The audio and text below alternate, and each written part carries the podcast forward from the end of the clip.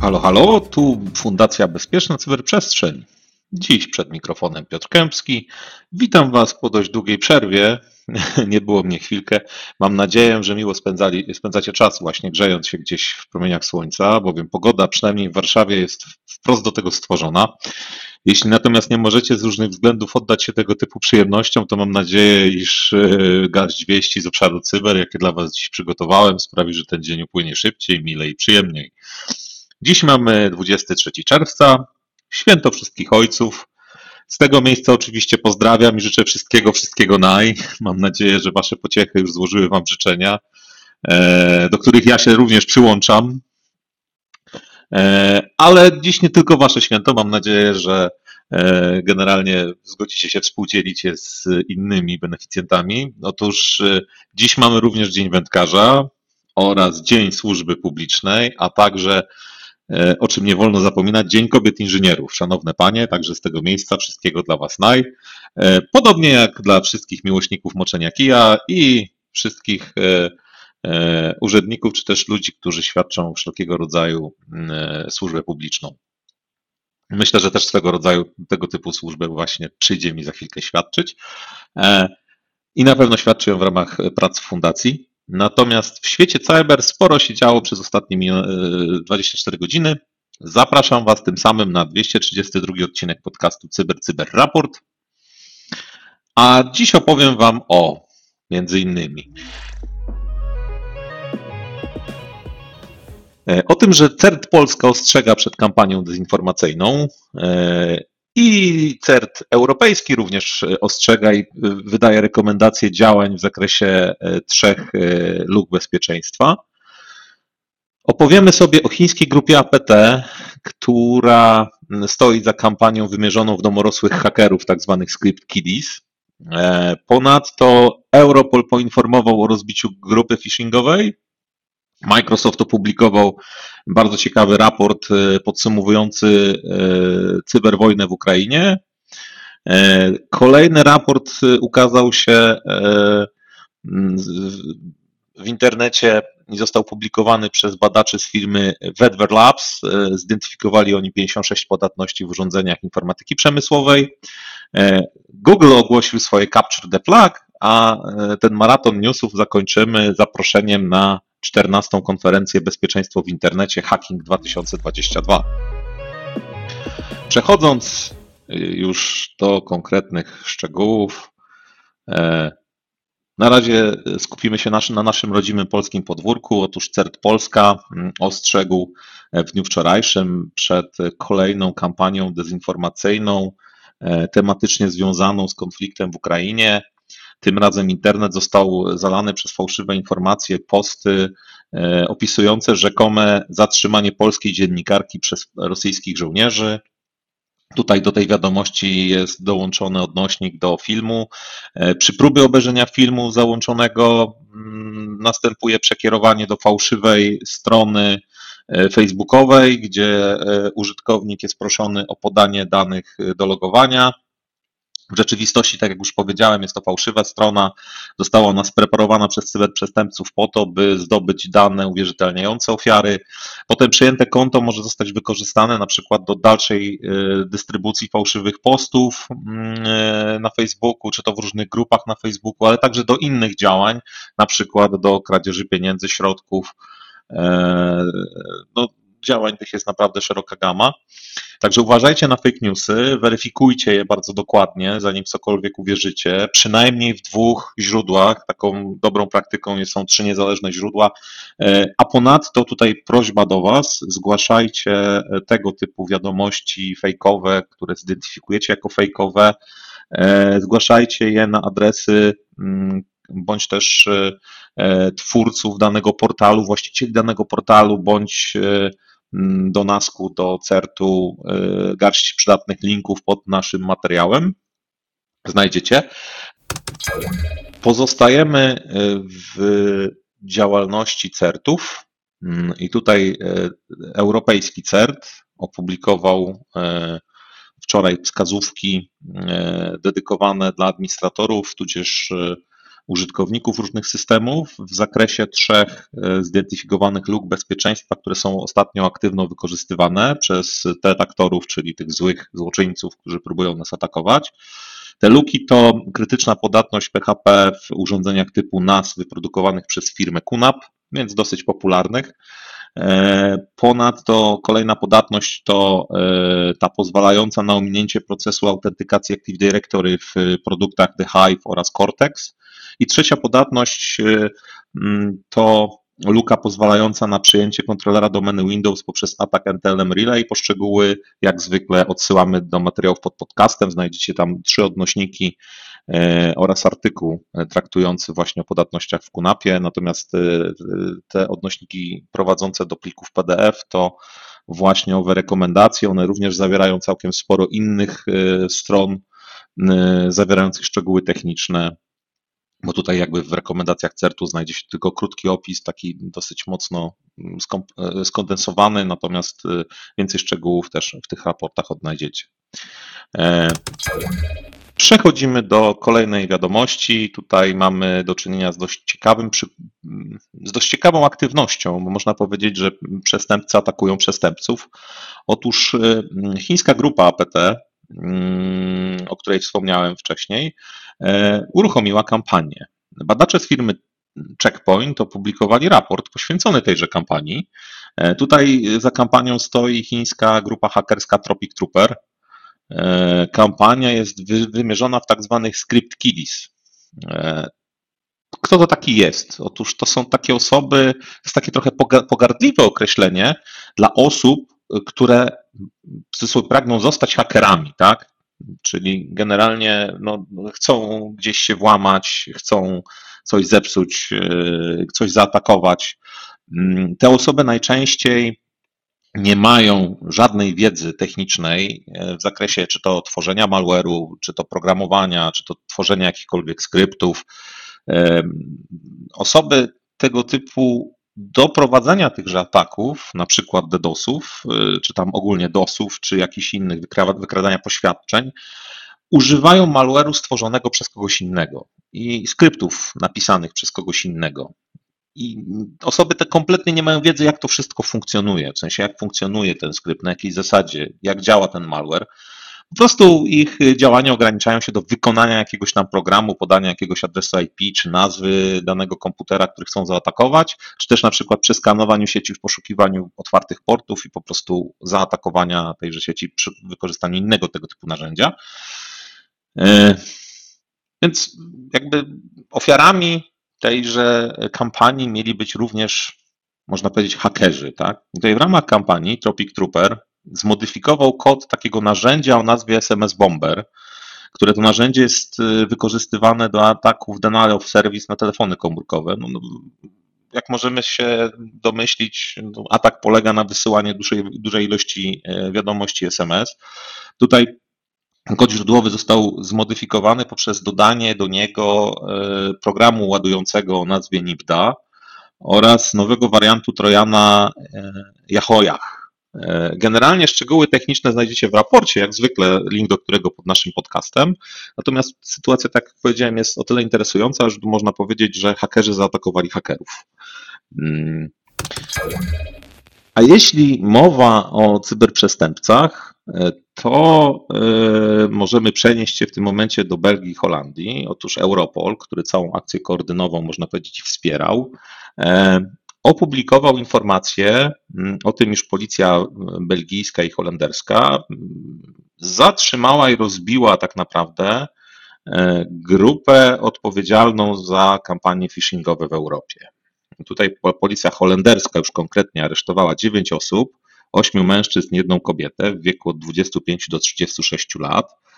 Osoby te były, tak jak powiedziałem, zaangażowane w przygotowanie, prawdopodobnie zaangażowane, bo jeszcze oczywiście nie udowodniono im tego przestępstwa, na razie są podejrzane. E, prawdopodobnie były zaangażowane w przygotowanie i przeprowadzenie wielu kampanii phishingowych oraz inne oszustwa w sieci, e, prowadzące do strat liczonych w milionach euro.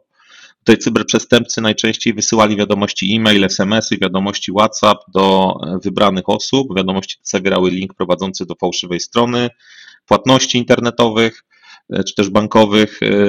Tutaj pozyskiwali dane uwierzytelniające ofiary, dzięki czemu byli w stanie uzyskać dostęp do jej konta bankowego, czy też do środków tejże ofiary. Policja, co ciekawe, skonfiskowała podejrzanym również broń palną, biżuterię, gotówkę i kryptowaluty, o sprzęcie elektronicznym nie wspominając, bo tam oczywiście pewnie sporo go było. Cóż, mogę podsumować tę wiadomość jako brawo i nawet zaklaskać, tak, bo, bo, bo oby jak najwięcej tego typu działań, bo no, phishing i w zasadzie spear phishing i różne jego odmiany to jest naprawdę duży kłopot i duże zagrożenie w obecnych czasach. Oby jak najwięcej tego typu akcji. Ciekawy materiał pojawił się też w dniu wczorajszym na stronach Microsoftu. Otóż Microsoft opublikował nowy raport z dziedziny, można powiedzieć, CTI, a więc taki wywiadowczy. Tak? Raport zatytułowany jest Defending Ukraine: Early Lessons from the Cyber War. I poświęcony jest on działaniom, jakie zostały podjęte przez zespoły Microsoftu do spraw CTI i Data Science, a jakby przyświecał tym działaniom cel taki, żeby lepiej zrozumieć cyberzagrożenia związane z wojną w Ukrainie i ogólnie z konfliktami zbrojnymi dzisiejszych czasów. Raport zawiera szereg wniosków wynikających ze zgromadzonych i przeanalizowanych danych. Tutaj możecie odnaleźć na przykład nowe informacje na temat działań Rosji, w tym innymi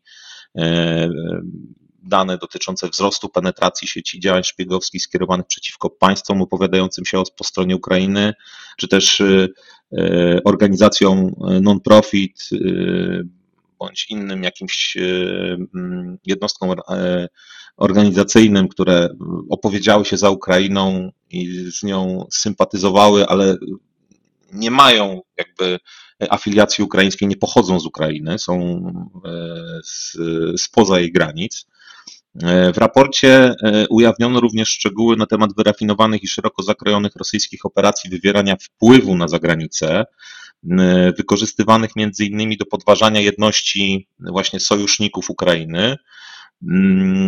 Wyraźnie rysuje się tutaj synergia, to jest ukazane w raporcie, ta synergia pomiędzy operacjami wywierania wpływu, a całą gamą cybernetycznych kampanii destrukcyjnych i szpiegowskich.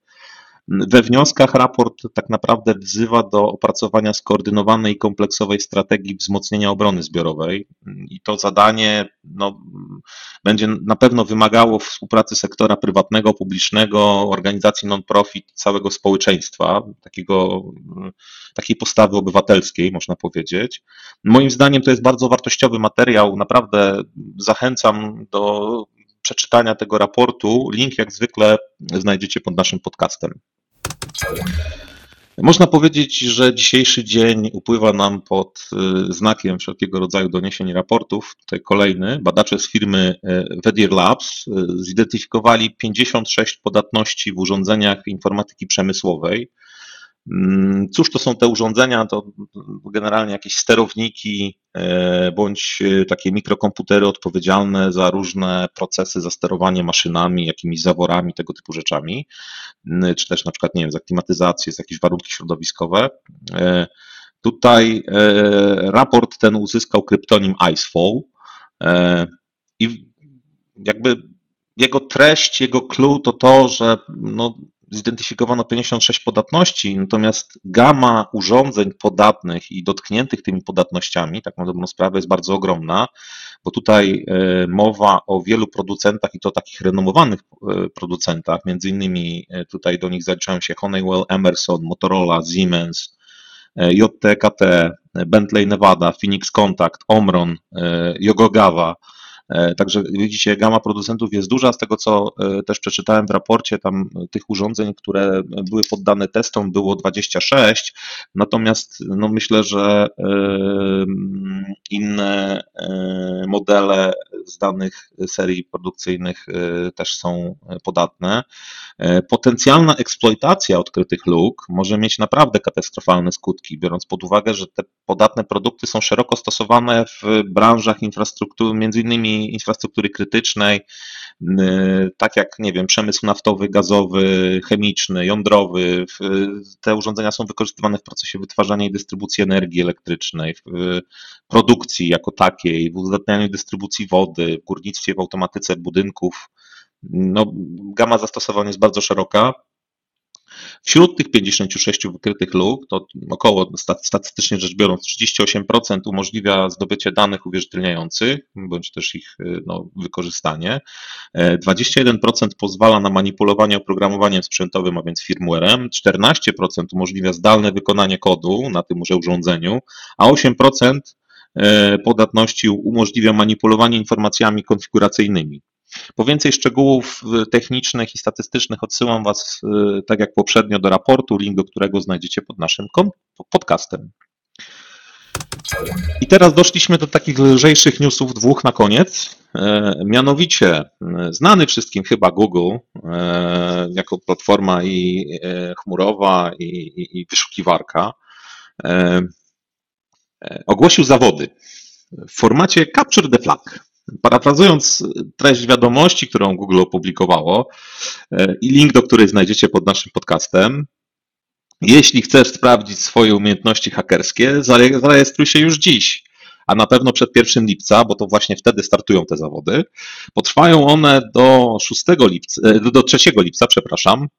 E, I osiem zwycięskich zespołów z tejże rywalizacji uzyska, uzyska kwalifikacje do rozgrywek Hackeceller 8 zawodów, które też są już organizowane przez Google i to jest takie połączenie Capture the Flag e, e, z takimi rozgrywkami dosyć e, speedrunnerskimi, można powiedzieć. I tutaj pula nagród już jest całkiem atrakcyjna, zamyka się w kwocie ponad 40 tysięcy dolarów. Mm, życzę, życzę Wam powodzenia generalnie. Mam nadzieję, że ktoś z naszych słuchaczy zgłosi się do tych zawodów i trzymam kciuki, żebyście to Wy właśnie wygrali e, i zdobyli całkiem pokaźną nagrodę. Natomiast jeśli o nagrodach mowa, jeśli mowa o rywalizacji i, i, i, i e, innych aspektach, to tak przechodzimy do naszego ostatniego ogłoszenia. Nie powiem newsa, ale ogłoszenia. E, to ogłoszenie. Otóż w najbliższą sobotę, to jest 25 czerwca, odbędzie się w Warszawie 14. konferencja Bezpieczeństwo w internecie Hacking 2022. Konferencja odbędzie się w kampusie Uniwersytetu Kardynała Stefana Wyszyńskiego przy ulicy Wojcickiego 1 przez 3 w, audytorium Maximum, to jest budynek numer 21. No i cóż mogę rzec? Tak naprawdę no, tematyka jest bardzo ciekawa i myślę, że aktualna. Czeka Was masa ciekawych prezentacji i wykładów. One będą realizowane w dwóch ścieżkach tematycznych. E, ponadto w ramach udziału w konferencji możecie wziąć udział w rozgrywce Cybertwierdzy, Czyli tak naprawdę spróbować tego, czego doświadczają uczestnicy naszej ligi cybertwierdzy na co dzień, a w zasadzie co miesiąc w ramach naszych spotkań, a finał ligi już y, we wrześniu. Natomiast tutaj w ramach tejże konferencji y, osoby, a w zasadzie zespoły, które się zarejestrują, będą miały okazję porywalizować z sobą w ramach dwóch scenariuszy, które e, przygotowałem, ponieważ moja skromna osoba, ja będę, będę na tej konferencji osobiście, będę miał przyjemność poprowadzić e, rywalizację w ramach rozgrywki cybertwierdzy. Mm, dla zwycięzców tutaj przewidziano nagrody, to organizator, e, że tak powiem, przewidział e, nagrody dla zwycięzców. No a przy okazji będziecie mogli mm, poza posłuchaniem ciekawych prezentacji, obejrzeniem ciekawych wykładów i wzięciem udziału w ciekawej dyskusji, będziecie mogli ze mną zbić piątkę, ponieważ będę, tak jak powiedziałem, osobiście gdzieś tam w kuluarach, czy tam podczas przerwy będziemy mieli okazję porozmawiać o cyberbezpieczeństwie i nie tylko. Mm, zachęcam do rejestracji. Tutaj wszelkie linki znowu pod naszym podcastem znajdziecie. Serdecznie zapraszam do udziału. I to wszystko na dziś. Dziś troszeczkę się rozgadałem, bo już widzę, że prawie 20 minut. E, życzę Wam dobrego dnia, bez żadnych ataków, awarii, problemów, e, wspaniałego humoru, pogody pięknej, takiej jak ta w tej chwili za oknem w Warszawie. E, Zapraszam na jutrzejszy Cyber Cyber Raport. Dziękuję za uwagę i cierpliwość, za moje potknięcia i przejęzyczenia. Mówił do Was Piotr Kępski. Cześć.